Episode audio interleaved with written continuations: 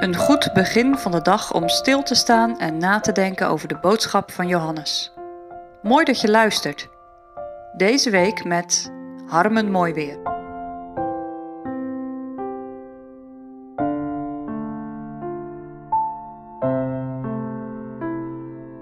Deze week staan steeds twee werkwoorden centraal die bij elkaar horen.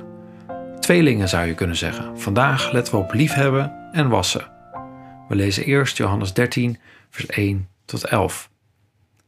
En voor het feest van het Pascha, Jezus wetende dat zijn uren gekomen was, dat hij uit deze wereld zou overgaan tot de Vader, alzo hij de zijnen, die in de wereld waren, lief gehad had, zo heeft hij hen lief gehad tot het einde.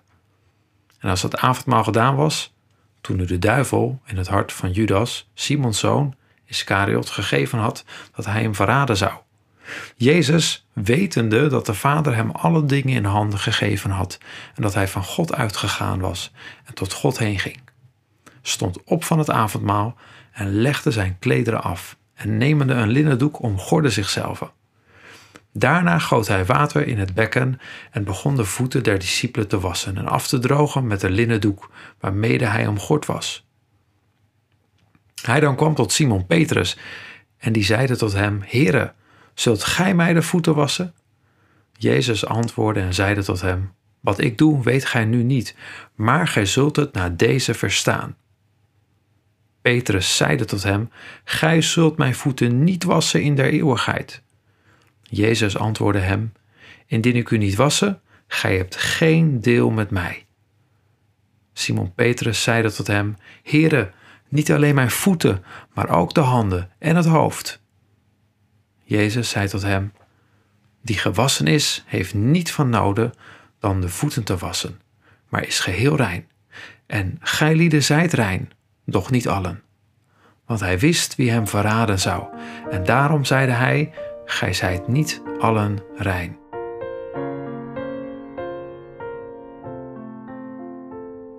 Het is bijna Pascha. Jezus weet dat dit zijn laatste Pascha op aarde zal zijn. Jezus weet dat hij gezonden is door zijn Vader. Hij weet dat hij uit de wereld zal gaan, terug naar zijn Vader.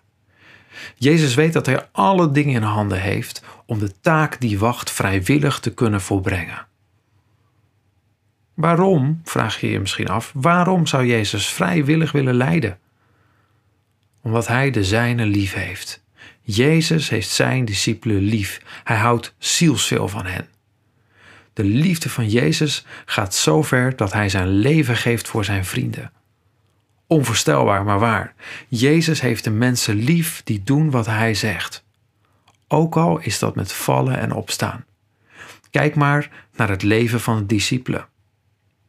In Lucas 22, vers 24 lezen we over de discipelen die, nadat Jezus het avondmaal met hen gevierd heeft, discussiëren over wie de belangrijkste is.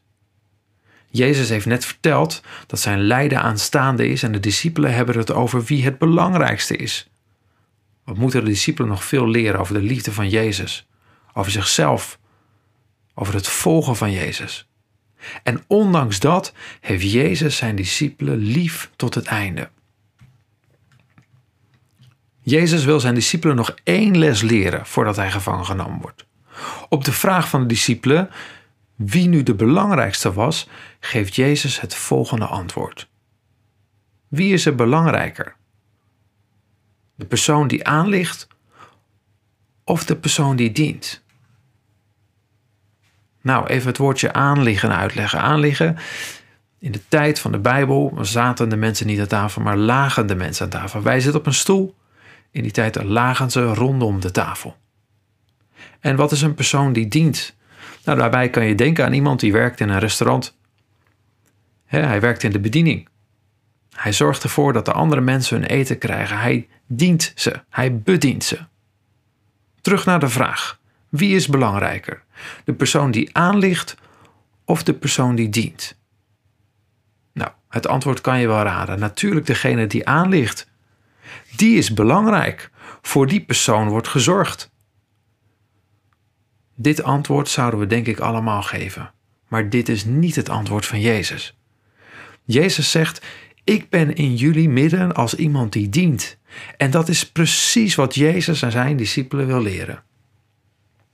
Jezus' liefde is een dienende liefde. Het zijn niet alleen woorden van liefde, maar ook daden. Jezus knielt neer bij zijn discipelen en gaat de voeten van de discipelen één voor één wassen. Wat een indrukwekkend moment moet dat zijn geweest. Jezus die neerknielt, de voeten wast, ze vervolgens afdroogt en naar de volgende discipel gaat. Dit is dienende liefde. Zoveel houdt Jezus van zijn discipelen. En nee, Petrus, alleen je voeten. Dat is genoeg. Je begrijpt het nu niet, Petrus, maar er komt een moment dat je het zult begrijpen waarom ik dit doe. Jezus wordt niet boos op Petrus dat hij het niet begrijpt. Hij verwijt Petrus niets. Maar Jezus weet dat Petrus op een dag zal begrijpen wat hij net heeft gedaan. Wat een geduld heeft Jezus met zijn discipelen. Wat een geduld heeft Jezus met ons als mensen. Wat betekent het voor jou dat Jezus kwam om te dienen?